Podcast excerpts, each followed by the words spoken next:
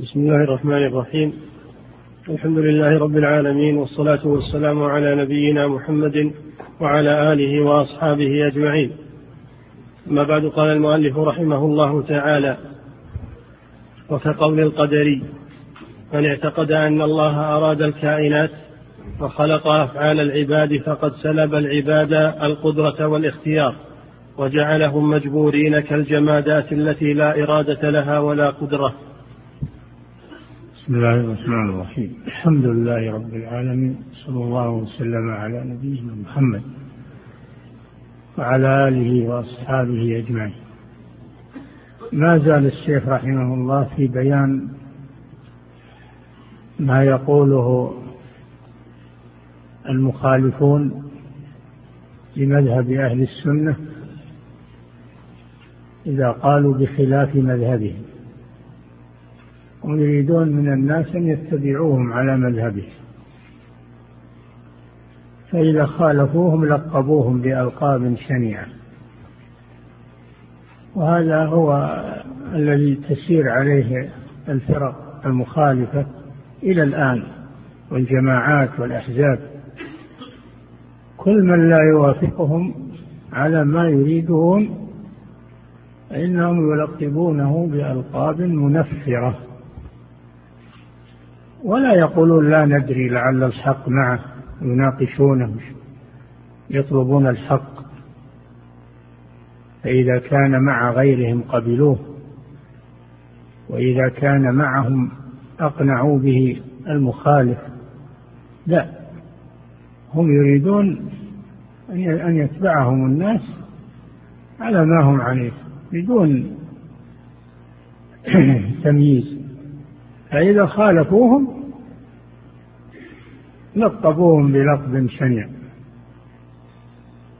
فمثلا أهل السنة والجماعة يثبتون القدر ويقولون إن الإيمان بالقدر هو أحد أركان الإيمان الستة كما في الحديث كما في القرآن الله قدر الأشياء قدر الكفر والإيمان والطاعة والمعصية والخير والشر. لا يكون في ملكه شيء إلا ما قدره سبحانه وتعالى بحكمة. لا يقدر الأشياء عبثا وإنما يقدرها لحكمة. قد تظهر لنا وقد لا تظهر. الواجب التسليم للقضاء والقدر. ولا يتنافى هذا مع أن الإنسان يوصف بأنه كافر وأنه مسلم وأنه مؤمن وأنه منافق وأنه عاصي وأنه مطيع. ما يتنافى هذا. فالعبد له فعل والله له قدر سبحانه وتعالى. والجزاء إنما يكون على الأفعال لا على الأقدار. الله لا يعاقبك لأنه قدر عليك إنما يعاقبك لأنك فعلت باختيارك وطوعك وإرادتك. ولو فعلت فعلا من غير اختيارك ومن غير إرادتك فإنه لا يؤاخذك. ولو تركت الفعل لعدم القدرة عليه لم يؤاخذك لا يكلف الله نفسا لا وسعها. فلا منافاة بين أن يكون للعباد أفعال يثابون عليها أو يعاقبون عليها وبين أن الله قدر هذه الأشياء. لا منافاة بين ذلك. وإلا لو كانت المسألة مسألة القدر فقط والعباد ليس لهم أفعال كما تقوله القدرية آه، كما تقوله الجبرية عباد ليس مسلوبين الاختيار ولا فيه إلا القضاء والقدر. لم يعذبهم على ما أجبرهم عليه ولكن يعذبهم على ما فعلوه باختيارهم. وبقدرتهم كذلك لا يقولون إن العبد له فعل مستقل ولم ولم يقدره الله كما تقوله المعتزلة القدرية النفاة لأن القدرية على قسمين قدرية مجبرة وهم الذين غلوا في إثبات القدر وسلبوا العبد قدرته واختياره قدرية النفاة وهم الذين غلوا في إثبات فعل العبد وقدرة العبد ونفوا قضاء الله وقدره. على طرفي نقيض. أهل السنة والجماعة يقولون يجمعون بين الأمرين بين أن الله قدر الأشياء وأن العباد لهم أفعال باختيارهم وإرادتهم وطوعهم. يفعلونها إما طاعة وإما معصية. والله أعطاهم القدرة على هذا. أمرهم ونهاهم. وتوعدهم ووعدهم. لا منافاة.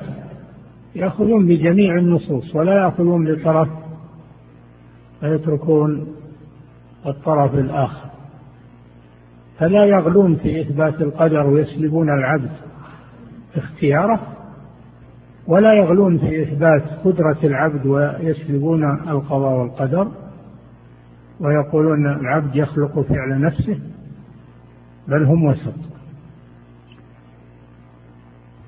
فلما قالوا بذلك الجبرية سموهم قدرية نفاة والقدرية النفاة سموهم قدرية مجبرة.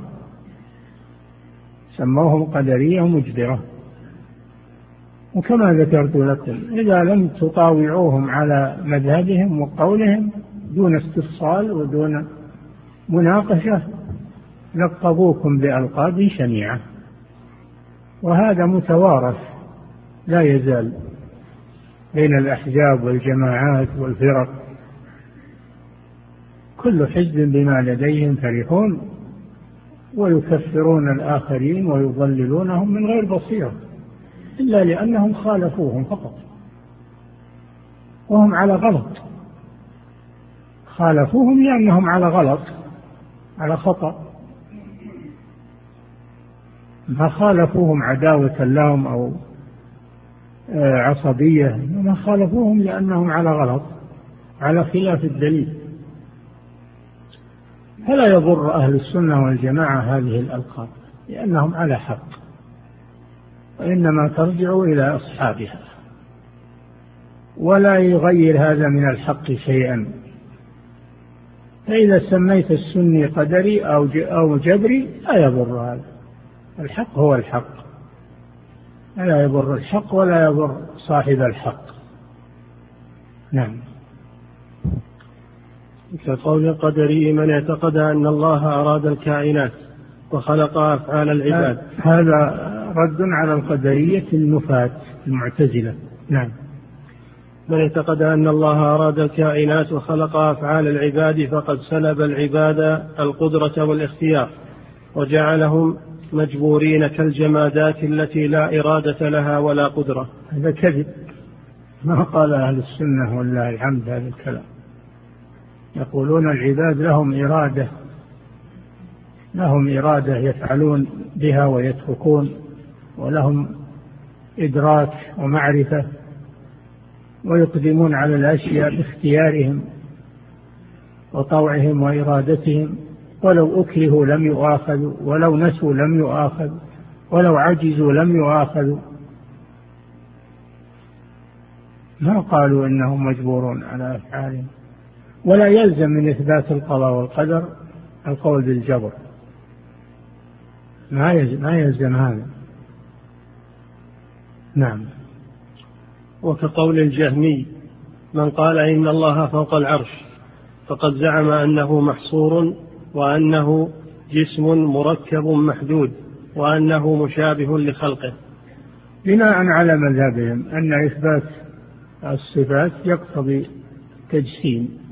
والأجسام متشابهة يقولون. فيلزم من إثبات الأسماء والصفات لله أنه جسم والأجسام متشابهة. فيلزم على قول أهل السنة أنهم مجسمة ولا يزالون يقولون الكلام هذا. يسمون أهل السنة والحنابلة بالذات يسمونهم المجسمة لأن الإمام أحمد هو إمام أهل السنة. وهو, وهو إمام الذين أثبتوا الأسماء والصفات. فيسمون الحنابلة بالذات أنهم مجسمة لأنهم يقولون بإثبات الأسماء والصفات. ونقول لهم هذا كذب. إثبات الأسماء والصفات لا يقتضي التجسيم. إلا على قولكم أنتم هذا شيء أنتم رأيتموه. فلا تلزم الناس به. لا تلزم الناس به. هم, لم يثبتوا الأسماء والصفات فرارا من التجسيم بزعمهم. التجسيم هذا لفظ محدث. هم الذين قالوا لم يرد في القرآن ولا في السنة ذكر للتجسيم. ابحثوا دوروا في الكتاب والسنة. ما في. ما في ذكر الجسم والتجسيم و... إنما هذا اصطلاح أحدثوه هم. ويريدون أن يجبروا الناس أن يجبروا الناس عليه. وإن خالفوهم قالوا هؤلاء مجسمة. نعم. وكقول الجهمية والمعتزلة من قال إن لله علما وقدرة. قول الجهمية. وكقول الجهمي من قال إن الله فوق العرش فقد زعم أنه محصور. زعم أن الله محصور فوق العرش لأن العرش مخلوق. والله فوقه فيكون محصورا بالعرش. تعالى الله عن ذلك. المخلوقات كلها العرش وما دونه بالنسبة إلى الله كلا شيء. وكما سبق أن الله ليس محتاجا إلى العرش إنما العرش هو المحتاج إلى الله. إذ الله هو الذي خلقه وهو الذي يمسكه وهو الذي يحفظه. العرش هو المحتاج إلى الله مخلوق. كيف يقال إن الله محتاج إلى العرش؟ يحتاج الخالق يحتاج إلى مخلوق؟ الغني يحتاج إلى فقير؟ هذا من كذبهم وافترائهم. فلا يلزم من أن الله فوق العرش وأنه استوى على العرش أنه محصور العرش العرش صغير بالنسبة إلى الله جل وعلا فلا شيء. فلا شيء. وسمعتم في الأحاديث أن الكرسي بالنسبة للعرش كحلقة ملقاة في أرض فلات. مع أن العرش مع أن الكرسي وسع السماوات والأرض. إذا كانت المخلوقات بعضها أعظم من بعض فكيف بالخالق جل وعلا؟ ما قدر الله حق قدره والأرض جميعا قبضته يوم القيامة. والسماوات مطويات بيمينه سبحانه وتعالى عما يشركون. ما قدر الله حق قدره. الله عظيم سبحانه وتعالى. ولا يحاط به. ولا يحيطون به علما سبحانه وتعالى. الذي يقول إنه يلزم من الاستواء على العرش التحديد هذا معناه أنه يحيط علما بالله عز وجل. تصور أن الله على قدر العرش فقط. أن الله على قدر العرش. وانه محصور. تعالى الله عن ذلك. هذه عقولهم وتصوراتهم. وهكذا كل من حاد عن الكتاب والسنة وقع في مثل هذه الترهات والأباطيل. إن الله محصور ها؟ وأنه جسم مركب وأنه جسم والاجسام الجسم ما ورد ذكره في حق الله جل وعلا. لا نفيا ولا ولا إثباتا. ما جاء في حق الله نفي الجسم عن الله أبدا. الله جل وعلا يقول ليس كمثله شيء. ألا تضربوا لله الأمثال. ولم يكن له كفوا أحد. ما ما جاء ذكر الجسم. ما قال إن الله جسم ولا قال إن الله ليس بجسم. ما نفاه ولا أثبته. ونحن نسكت عن هذا. أما أنهم يحدثون اصطلاح من عندهم ويريدون أن يلزموا الناس به ومن خالفه ضللوه وكفروه وخطأوه فهذا من عمى بصائرهم والعياذ بالله.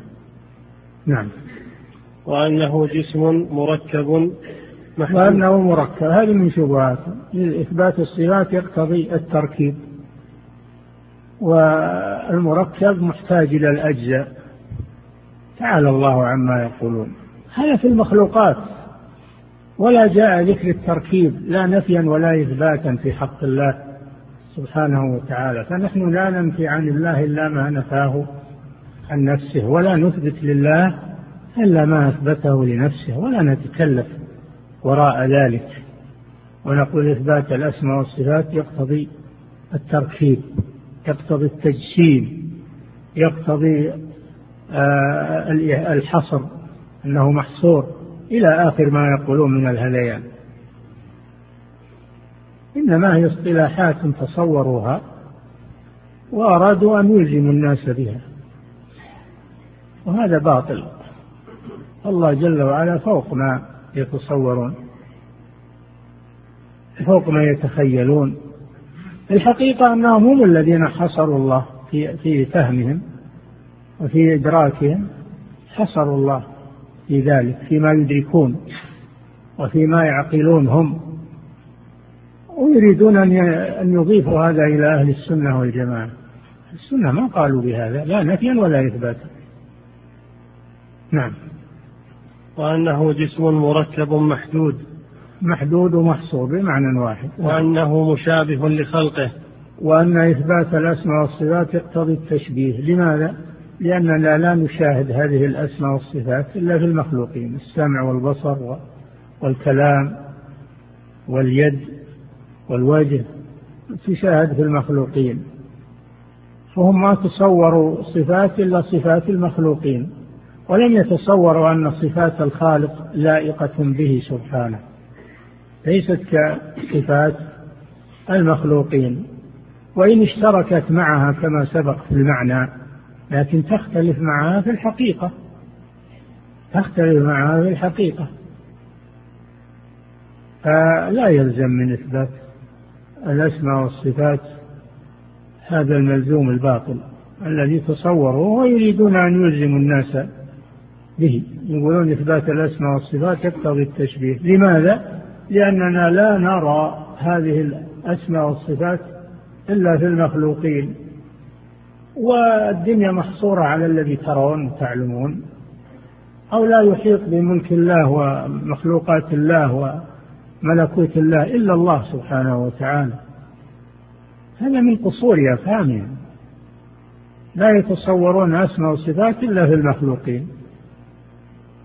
ويريدون أن ينفوا عن الله الأسماء والصفات لئلا يشبه المخلوقين. يعني أنتم أعلم من الله بنفسه وأعلم من رسوله. الله وصف نفسه وسمى نفسه بهذه الأسماء والصفات. الرسول كذلك. معناه أنكم تستدركون على الله وعلى رسوله. تقولون هذا لا يليق بالله والله أثبت لنفسه ما لا يليق به. الرسول أثبت لله ما لا يليق به. هذا كفر والعياذ بالله. الحاصل هو ضيق ضيق التصور وضعف الإيمان والإعراض عن العلم النافع واللجوء إلى اصطلاحات البشر ومعلومات البشر هو الذي سبب لهم هذا الشيء. وليتهم أنهم قالوا هذا فهمنا وهذا إدراكنا. لكن إنهم يلزمون الناس يكفرون من خالفهم. هذه مصيبة لكنها مصيبة عليهم وإلا أهل الحق ما يضرهم هذا إن شاء الله وهم ماضون في طريقهم. والذي يتمشى مع الكتاب والسنة ولا يخرج هذا يسير على صراط مستقيم. نعم. ولهذا قال صلى الله عليه وسلم لا تزال طائفة من أمتي على الحق ظاهرين لا يضرهم من خذلهم ولا من خالفهم. أن يسير على الحق ما يضر أحد. نعم. وكقول الجهمية والمعتزلة من قال إن لله علما وقدرة فقد زعم أنه جسم مركب. سبق هذا. وهو مشبه لأن إيه. هذه الصفات أعراض. والعرض لا يقوم إلا بجوهر متحيز. العرض هو الذي لا يثبت بنفسه وإنما يثبت في غيره كالألوان البياض والسواد والحمرة والصفرة هذه ألوان ما تقوم إلا بغيرها. هذه تسمى الأعراض وأما الجسم فهو ما أو الجسم فهو ما يقوم بنفسه ما يقوم بنفسه كالجدار والباب ويقوم بنفسه ويرى ويشاهد ويسمى الجسم يسمى الجوهر يسمى الجوهر وهو المركب من يسمى الجسم وهو المركب من الجواهر الفردة يقولون. الجواهر الفردة وهي الجزئيات. الجواهر هي الجزئيات يسمونها جواهر. والجوهر الفرد عندهم هو الذي لا ينقسم ولا يمكن ينقسم. هذا تصوره. مهما شيء ما ينقسم. الآن التقنيات دلت على أن أقل الأشياء ينقسم. ويقسم.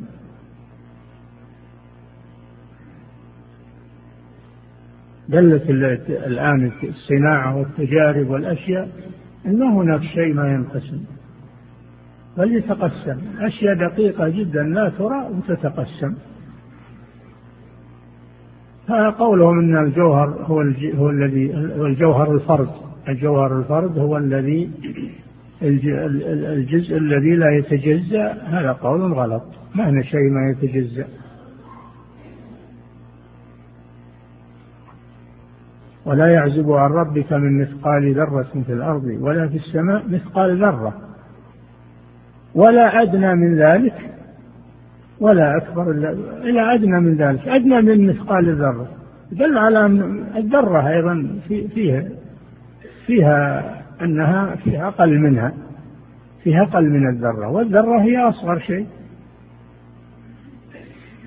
فهؤلاء أتوا من حيث قصور معلوماتهم وتكميلهم لأنفسهم وتصوروا أن معلوماتهم أرقى من الكتاب والسنة. تصوروا أن معلوماتهم أرقى من الكتاب والسنة. فلذلك صاروا يخبطون ويلبطون وينفون الأسماء والصفات عن الله بناء على أفهامهم وعلى اصطلاحاتهم التي هم كونوها بأنفسهم. لا يرجعون إلى كتاب ولا إلى سنة بل يريدون أن يؤولوا الكتاب والسنة لتتماشى مع تصوراتهم ومع مصطلحاتهم. نعم. لأن هذه الصفات أعراض والعرض لا يقوم إلا بجوهر متحيز. هذا هو العرض الذي لا يقوم بنفسه إنما يقوم بغيره. والجسم هو الذي يقوم بنفسه أو الجوهر هو الذي يقوم بنفسه. نعم. وكل متحيز فجسم مركب أو جوهر فرد. ومن قال نعم. يقولون إذا قلتم إن الله في العلو فالعلو حيز فمعناه أن الله متحيز. ولا يتحيز إلا الأجسام. فنقول لهم هذا بالنسبة لفهمكم. ولا يلزم من وصف الله بالعلو واستوائه على العرش أنه متحيز. لأن الله لا يحيط به شيء. مخلوقاته كلها سماؤها وأرضها وما بينهما. بالنسبة إلى الله فلا شيء كالخردلة بيد أحد. السماوات مطويات بيمينه والأرض قبضته والأرض جميعا قبضته يوم القيامة والسماوات مطويات بيمينه. يمين الرحمن سبحانه وتعالى. فهل هذا يتصور؟ أو أن هذا لا يحيط به إلا إلا هو سبحانه وتعالى. فهم لم يقدروا الله حق قدره ولم يعظموه حق تعظيمه وأخضعوه لمصطلحاتهم ولقواعدهم المنطقية أخضعوه. وهذا باطل وقول على الله بغير علم. ومن أظلم فمن أظلم ممن افترى على الله كذب. ومن أظلم ممن افترى على الله كذبا ليضل الناس بغير علم. فالواجب أن الإنسان يتقاصر عما لا يعلم ولا يقول على الله ما لا يعلم ولا يخضع الأدلة لمصطلحاته وقواعده. بل العكس الواجب أن يخضع فهمه وقواعده واصطلاحاته إلى الأدلة. نعم. وكل متحيز فجسم مركب أو جوهر فرد ومن قال ذلك فهو مشبه لأن الأجسام متماثلة. هذا كلامهم. أولا الأجسام ما ورد ذكرها في حق الله. لا نفيا ولا إثباتا. ونحن لا نثبت ما ولا ننفي الأجسام. أبدا لأن هذا قول محدث. نعم. ومن حكى ذا وثانيا أنه لا يلزم من إثبات الأسماء والصفات التجسيم لأنهم يقولون هذه الصفات لا تقوم إلا بجسم. هذا حصر من عندكم. من قال لكم أن الأسماء والصفات لا تقوم إلا بجسم؟ هذا من عندكم اصطلاح من عندكم. لا يلزم هذا. نعم. ومن حكى عن الناس المقالات وسماهم بهذه الأسماء المكذوبة. الهوى نهب الهوى؟ عرض من من الأعراض ما هي تقوم بنفسها؟ الهوى. تقول هوى باردة هوى حارة ها؟ هوى عاصفة هوى شديدة. من يقول إن, إنه إن الأسماء والصفات ما تقوم إلا بجسم؟ الهوى هو جسم. نعم. ومن حكى عن الناس المقالات وسماهم بهذه الأسماء مقالات يعني المذاهب. نعم. وسماهم بهذه وأحسنوا بتسميتها مقالات. أحسنوا بتسميتها مقالات لأنها من كلامهم ومن قولهم هم. نعم. ومن حكى عن الناس المقالات وسماهم بهذه الأسماء المكذوبة بناء على عقيدتهم. أه، بناء على عقيدتهم.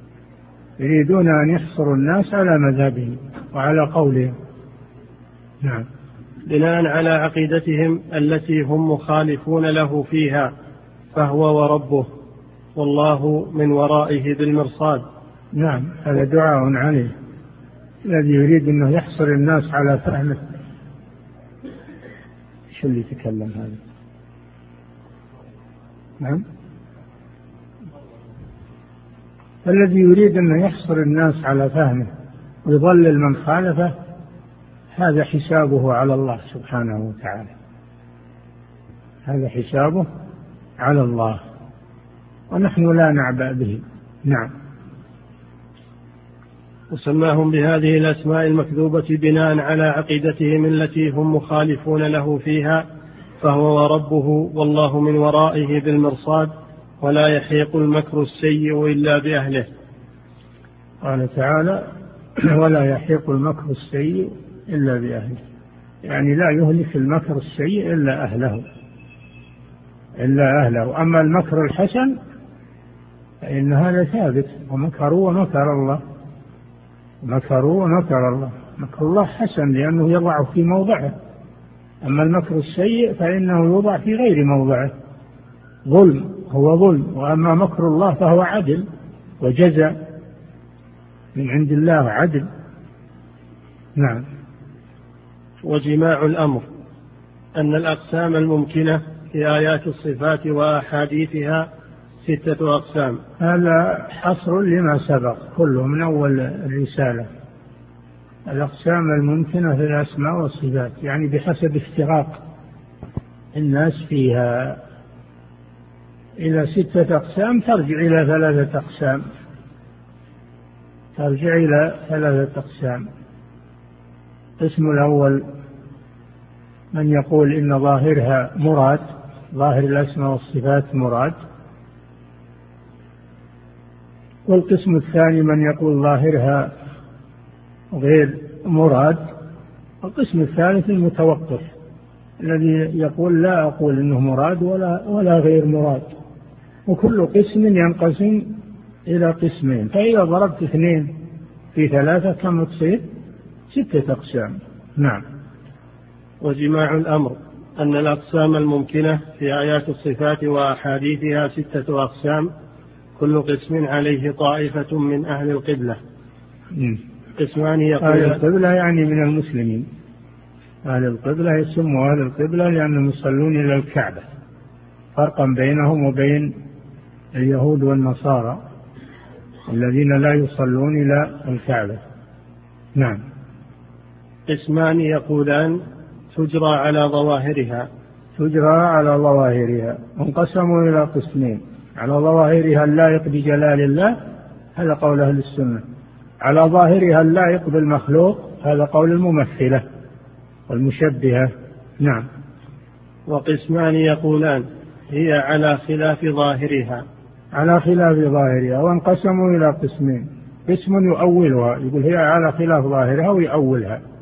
إلى معنى آخر. وقسم يقول على خلاف ظاهرها ويفوضها إلى الله. هؤلاء يسمون المفوضة. نعم. وقسمان يسكتون. يتوقفون. يقول ما أقول على ظاهرها ولا على غير ظاهرها. سبحان الله. تصير أحاجي وألغاز. لازم إنها أما على ظاهرها ولا على غير ظاهرها. نعم. أما الأولان فقسمان. نعم. أحدهما من يجريها على ظاهرها ويجعل ظاهرها من جنس صفات المخلوقين. هؤلاء هم المشبهة. يقول هي على ظاهرها اللائق بالمخلوقين هؤلاء هم المشبهة. والمشبه يعبد صنما كما يقولون. المشبه يعبد صنما والمعطل يعبد عدما. يعبد عدما. نعم. فهؤلاء المشبهة ومذهبهم باطل أنكره السلف وإليه توجه الرد بالحق. قال تعالى ليس كمثله شيء وهو السميع البصير. نفى عن نفسه عن نفسه التمثيل ونفى عن نفسه التشبيه. ليس كمثله شيء لم يكن له كفوا أي مماثلا أحد. هل تعلم له سميا؟ يعني من يساميه ويماثله فلا تجعلوا لله فلا فلا تضربوا لله الأمثال فلا تجعلوا لله أندادا وأنتم تعلمون. هذا رد على الممثلة. الله نفى عن نفسه الأمثال والأنداد ونفى عن نفسه الكفر والشبيه والنظير. نعم. والثاني من يجريها على ظاهرها اللائق بجلال الله. وهذا هو مذهب أهل السنة والجماعة. يقولون هي على ظاهرها اللائق بجلال الله. وليس اللائق بالمخلوقين. هذا مذهب أهل السنة والجماعة. نعم. من يجريها على ظاهرها اللائق بجلال الله كما يجري ظاهر اسم العليم والقدير والرب والإله والموجود والذات ونحو ذلك على ظاهرها اللائق بجلال الله سبحانه. كما يجري. كما يقول كما يجري ظاهر اسم العليم. يجري ظاهر اسم العليم على ظاهره وهو العلم. وهو العلم لكنه ليس كعلم المخلوق. والقدير. القدير. متصف بالقدرة ولكنها ليست كقدرة المخلوق. نعم. والرب. والرب. الرب المطلق إذا قيل الرب فهذا لا يليق إلا بالله. أما إذا قيد أي رب الدار رب الإبل إذا قيد فلا بأس. اذكرني عند ربك يعني سيد إذا قيد فلا بأس بإطلاقه على المخلوق. أما إذا أطلق الرب هذا لا أو رب العالمين. رب العالمين هذا لا يكون إلا لله سبحانه وتعالى. نعم. والإله والإله يعني المعبود. المعبود على قسمين معبود بحق هذا لا يكون إلا لله جل وعلا. معبود بالباطل هذا يكون للأصنام والأحجار والأشجار والقبور والأضرحة. كلها معبودة بغير حق. سمى آلهة. قالوا لا تذرن آلهتكم. قوم نوح. الأصنام يسمونها آلهة. يعني معبودة. آلهة لكنها باطلة. لا تذرن آلهة. أجعل الآلهة إلها واحدا. وما نحن بتاركي آلهتنا عن قولك. هناك آلهة لكنها باطلة. نعم. والموجود الألوهية الحق لله عز وجل. نعم. والموجود أما الموجود يخبر خبر أن, أن الله موجود أما أنه من أسماء الله لا. هم لأنه لم يرد. لم يرد أن الله سمى نفسه بالموجود لكن يخبر عنه بأنه موجود. نعم. والذات الذات كذلك الله لم يثبت هذا وإنما أثبت للنفس النفس.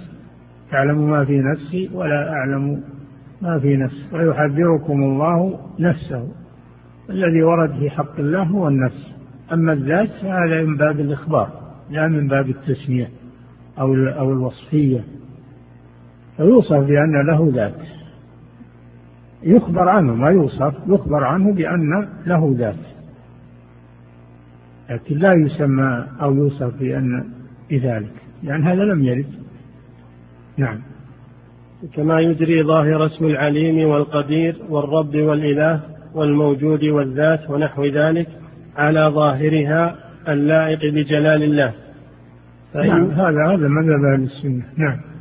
فإن ظواهر هذه الصفات في حق المخلوقين إما جوهر محدث وإما عرض قائم به. أي نعم. جوهر محدث مثل اليد والوجه يعني صفات ذات صفات الذات. وإما عرض قائم به كالعلم كالعلم والقدرة. نعم. فإن ظواهر هذه الصفات أما صفات المعاني سمى هذه صفات المعاني. وأما الأولى سمى اليد والوجه سمى صفات الذات صفات الذاتية. نعم. فإن ظواهر هذه الصفات في حق الخلق والخلق والرزق والإحياء والإماتة تسمى صفات الأفعال. والنزول والاستواء تسمى صفات الأفعال. نعم. فالصفات صفات معاني وصفات ذات وصفات أفعال. نعم. فإن ظواهر هذه الصفات في حق المخلوقين إما جوهر محدث وإما عرض قائم به. فالعلم به يعني بالجوهر المحدث. نعم. هذا بالنسبة للمخلوقين. نعم. فالعلم والقدرة والكلام والمشيئة والرحمة والرضا والغضب ونحو ذلك في حق العبد أعراض. نعم. والوجه واليد والعين في حقه أجسام. هذا في حق المخلوق. أما في حق الله فيقال صفات معاني أو صفات ذات أو صفات أفعال. نعم. فإذا كان الله سبحانه موصوفا عند عامة أهل الإثبات بأن له علما وقدرة وكلاما ومشيئة وإن لم يكن ذلك عرضا يجوز عليه ما يجوز على صفات المخلوقين. جاز أن يكون وجه الله ويداه ليست أجساما يجوز عليها ما يجوز على صفات المخلوقين. هذا إلزام لهم لأنهم يصفون الله بالعلم. يصفون الله بالعلم. ويقولون ما يلزم عليه التشبيه لأن العلم عرض من الأعراض. نقول لهم إذا كان إن الله أمكن أن يوصف الله بالعلم والمخلوق يوصف بالعلم ولا ولا تقولون بالتشبيه بهذا. كذلك صفات الذات مثل اليد والوجه. نعم. وهذا هو المذهب الذي حكاه الخطابي وغيره عن السلف. الخطابي هو الإمام الجليل حافظ حمد الخطابي صاحب معالم السنن شارح الترمذي إمام جليل. نعم. وهذا هو المذهب الذي حكاه الخطابي وغيره عن السلف. ويكنى أبا سليمان أبو سليمان الخطابي. نعم. وهذا هو المذهب الذي حكاه الخطابي وغيره عن السلف وعليه يدل يدل كلام جمهورهم. نعم. وكلام الباقين لا يخالفه. وهو نعم. وهو أمر واضح. أمر واضح. مذهب السلف هو اللي تمشى على الكتاب والسنة. وقد يدخل في مذهب أهل السنة أو مذهب السلف من عنده بعض التأويل أو بعض لكن لا يخرجه من مذهب السلف. وإن غلط في بعض الأشياء أو أخطأ في بعض الأشياء هذا لا يخرجه عن كونه من أهل السنة. نعم. وهو أمر واضح فإن الصفات كالذات. نعم. فكما أن ذات الله ثابتة حقيقة من غير أن تكون من جنس المخلوقات فصفاته ثابتة حقيقة من غير أن تكون من جنس صفات المخلوقات. هذه قاعدة عظيمة أن تقول الصفات كالذات فإذا كان لله ذاتا لا تشبه الذوات كما تقولون فله أسماء وصفات لا تشبه أسماء المخلوقين وصفات المخلوقين. نعم. فمن قال فإذا كان الله بذاته لا يثبت لا يشبه ذوات المخلوقين. وأنتم تعترفون بهذا فلماذا لا تطردون هذا في الأسماء والصفات؟ فتقولون وله أسماء وصفات لائقة به ليست كأسماء المخلوقين وصفات المخلوقين نعم. فمن قال لا أعقل علما ويدا إلا من جنس العلم واليد المعهودين. قيل له فكيف تعقل ذاتا من غير جنس ذوات المخلوقين؟ نعم إذا قال أنا أنا لا أعقل علما إلا ما هو موجود في الناس. فيكون تشبيه وأنا لا أريد التشبيه فينفي العلم عن الله. نقول أنت تقول إن إن إن, إن الله له ذات لا تشبه ذوات ذوات المخلوقين. أو نفس لا تشبه نفوس. المخلوقين. أنت تقول هذا. والصفات تحتذي حذو الذات أو النفس.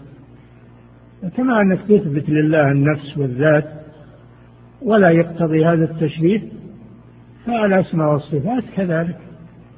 نعم هذا إلزام له. نعم. فمن قال فمن قال لا أعقل علما ويدا إلا من جنس العلم واليد المعهودين.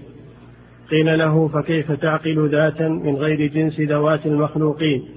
ومن المعلوم نعم هذا هذه ناحية أنه يلزم إذا كان يثبت لله نفس أو ذات لا يشبه ذوات المخلوقين فكذلك أسماءه وصفاته. وأيضا قوله لا أعقل هل الدنيا كلها والعلم كلها محصورا بعقلك ولا إدراكك؟ الله جل وعلا يقول فوق كل ذي علم عليم ولا يحيطون به علما. ليس هذا مقصور على علمك ومعرفتك. نعم. ومن المعلوم أن صفات كل موصوف تناسب ذاته وتلائم حقيقته. نعم. هذا حتى بالمخلوقين. هذا حتى بالمخلوقين. صفات كل مخلوق تليق به. وليست صفات الذرة النملة الصغيرة مثل صفات الفيل والجمل وإن كان كل منهما مخلوق حيوان أو مخلوق له روح. إذا كان المخلوقات لا تتشابه أسماؤها وصفاتها فالخالق مع المخلوقين من باب أولى لا تشابه بينهم. نعم. ومن المعلوم أن صفات كل موصوف تناسب ذاته وتلائم حقيقته فمن لم يفهم من صفات الرب الذي ليس كمثله شيء إلا ما يناسب المخلوق فقد ضل في عقله ودينه. وحصر الله هم يقولون أنتم تقولون بالحصر أن الله محصور. أنتم اللي تقولون بالحصر لأنكم حصرتم الله في أفهامكم ومعلوماتكم وتريدون أن تكذبوا من خالفكم. هذا هو الحصر. نعم. وما من مبطل يعير أحدا بلقب إلا وهو منطبق عليه هو. أبدا. نعم. وما أحسن ما قال بعضهم. إذا إذا قال لك الجهمي كيف استوى؟ وكيف ينزل إلى السماء الدنيا؟ وكيف يداه؟ ونحو ذلك؟ فقل له كيف هو في نفسه. إي نعم. إذا قال لك الجامي أن تقول تثبت أن الله استوى على العرش. اذكر لي كيفيه الاستواء. كيفية استواء الله على عرشه. فقل له وأنت تثبت أن لله ذاتا ونفسا. اذكر لي كيفية هذه الذات وهذه. قال ما أدري. قل له كذلك أنا لا أدري عن الاستواء. هذا كله لا لا أنا ولا أنت ولا أحد يعلمه إلا الله سبحانه وتعالى. نحن نثبته ولكن لا ندري عن كيفيته كيفية النزول نزول الله إلى سماء الدنيا كل ليلة. هل هو مثل نزول المخلوقين؟ من على الدابة أو على السطح أو على الجبل؟ تعالى الله عن ذلك. فالله ينزل كيف يشاء سبحانه وتعالى. نثبت النزول ولا نتعرض للكيفية. نثبت الاستواء ولا نتعرض لكيفية الاستواء. هذا هو المذهب الحق والصواب. نعم. وما أحسن ما قال بعضهم إذا قال لك الجهمي كيف استوى وكيف ينزل إلى السماء الدنيا؟ كيف يعني اذكر لي كيفية استوائه؟ اذكر لي كيفية نزوله. تقول له لا أعلمها. وأنت أيضا تثبت الذات لله وأنت لا تعلم كيفيتها. فكيف تطالبني بشيء أنت تقر بأنك لا تدركه؟ نعم. وكيف يداه ونحو ذلك؟ فقل له كيف هو في نفسه؟ فإذا قال لك لا يعلم ما هو إلا هو. ما شاء الله. نعم. وكنه الباري غير معلوم للبشر. أي نعم. الحمد لله. اعترف بالحق. نعم. فقل له فالعلم بكيفية الصفة مستلزم للعلم بكيفية الموصوف. نعم فكيف يمكن أن تعلم بكيفية صفة الموصوف ولم تعلم كيفيته؟ وإنما كيفية الموصوف. نعم. وإنما تعلم الذات والصفات من حيث الجملة. من حيث الجملة لا من حيث التفاصيل. لا يحيط بالله إلا الله جل وعلا. ولا يحيطون به علما. الله لا يعلم آه، لا يعلم أسماءه وصفاته وذاته إلا هو سبحانه وتعالى. البشر, عاجز. أنت لا تحيط بصفات المخلوقات. كما ذكرنا عندك الفيل وعندك الذرة عندك الملك من الملائكة وعندك الإنسان من البشر. أن تعرف الملائكة تعرف الجن تعرف أشياء ما تعرفها أنت وهي موجودة. وهي موجودة. وهي مخلوقة أيضا. ولا ولا تعرفها ولا بلغ ولا يبلغ علمك الإحاطة بها. فكيف تحيط بالخالق؟ أقصر عن نفسك ولا تتكلف ما ليس. ولا تحصر الناس على تصورك وعلى فهمك.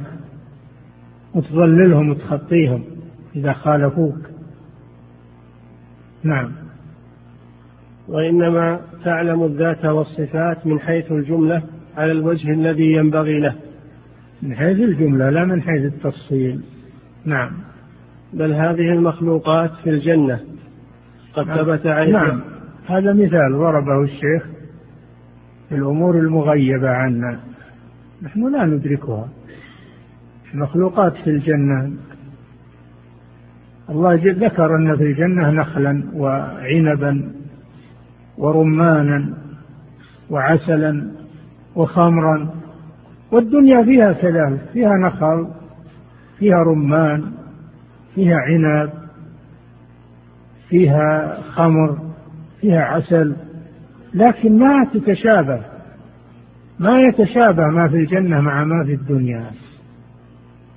وإن اشترك في الاسم والمعنى لكنه لا يشترك في الحقيقة والكيفية. نعم.